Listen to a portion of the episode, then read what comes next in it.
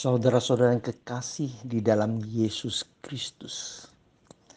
Hari ini kita mau merenungkan Wahyu pasal 20 ayat 11 sampai dengan ayat 15 tentang hukuman yang terakhir atau penghakiman terakhir. Ayat 11 Lalu aku melihat Yohanes melihat suatu takhta bukti yang besar dan dia yang menduduk di atasnya. Di hadapannya lenyaplah bumi dan langit dan tidak ditemukan lagi tempatnya. Terlihat takhta putih berarti suatu lambang kemuliaan kekudusan, dan keadilan. Ini takhta penghakiman.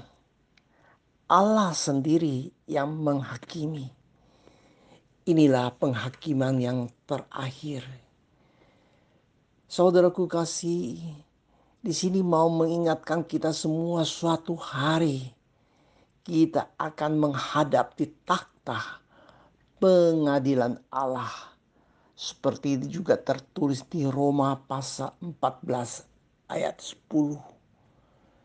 Saudaraku yang kasih, pada waktu itu lenyaplah semua, baik bumi maupun langit yang lama, karena sudah demikian rusaknya, harus dibuang, dibongkar, dan diganti dengan yang baru. Tuhan menyediakan suatu yang baru, yaitu langit dan bumi baru. Yang kedua, saudaraku yang kasih, di bagian ini sangat indah mengingatkan kita tentang ada buku kehidupan. Apakah nama kita tercatat di dalamnya atau tidak? Saudaraku yang kasih, apakah nama kita tercatat tergantung siapa?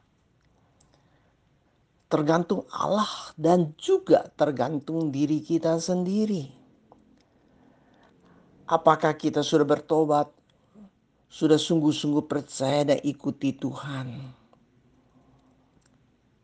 Memang Allah yang menghakimi tapi manusia sendirilah yang menentukan vonis terakhir ini terhadap dirinya.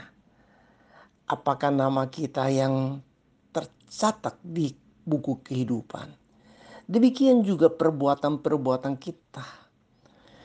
Kita banyak kali sudah berbuat jahat, berbuat tidak sesuai dengan kehendak Tuhan itu semua tercatat.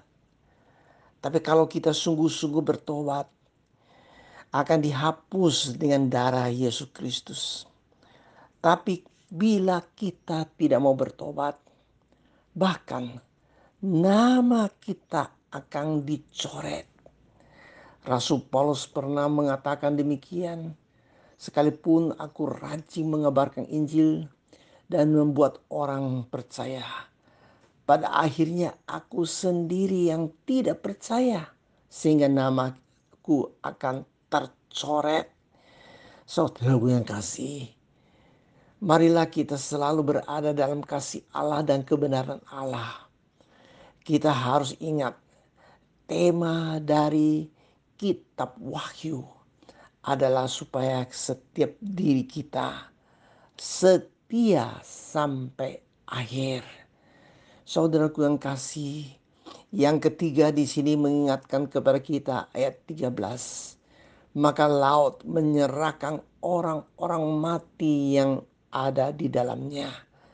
Dan setelah penghakiman ini, semua orang yang percaya diberkati, tapi orang yang tidak percaya maka akan mengalami kematian yang kedua.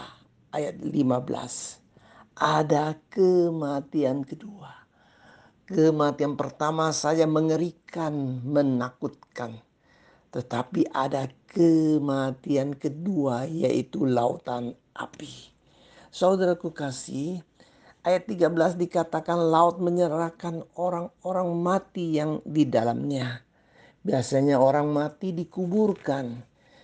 Kalau orang yang buang di dalam laut itu berarti sangat mengenaskan.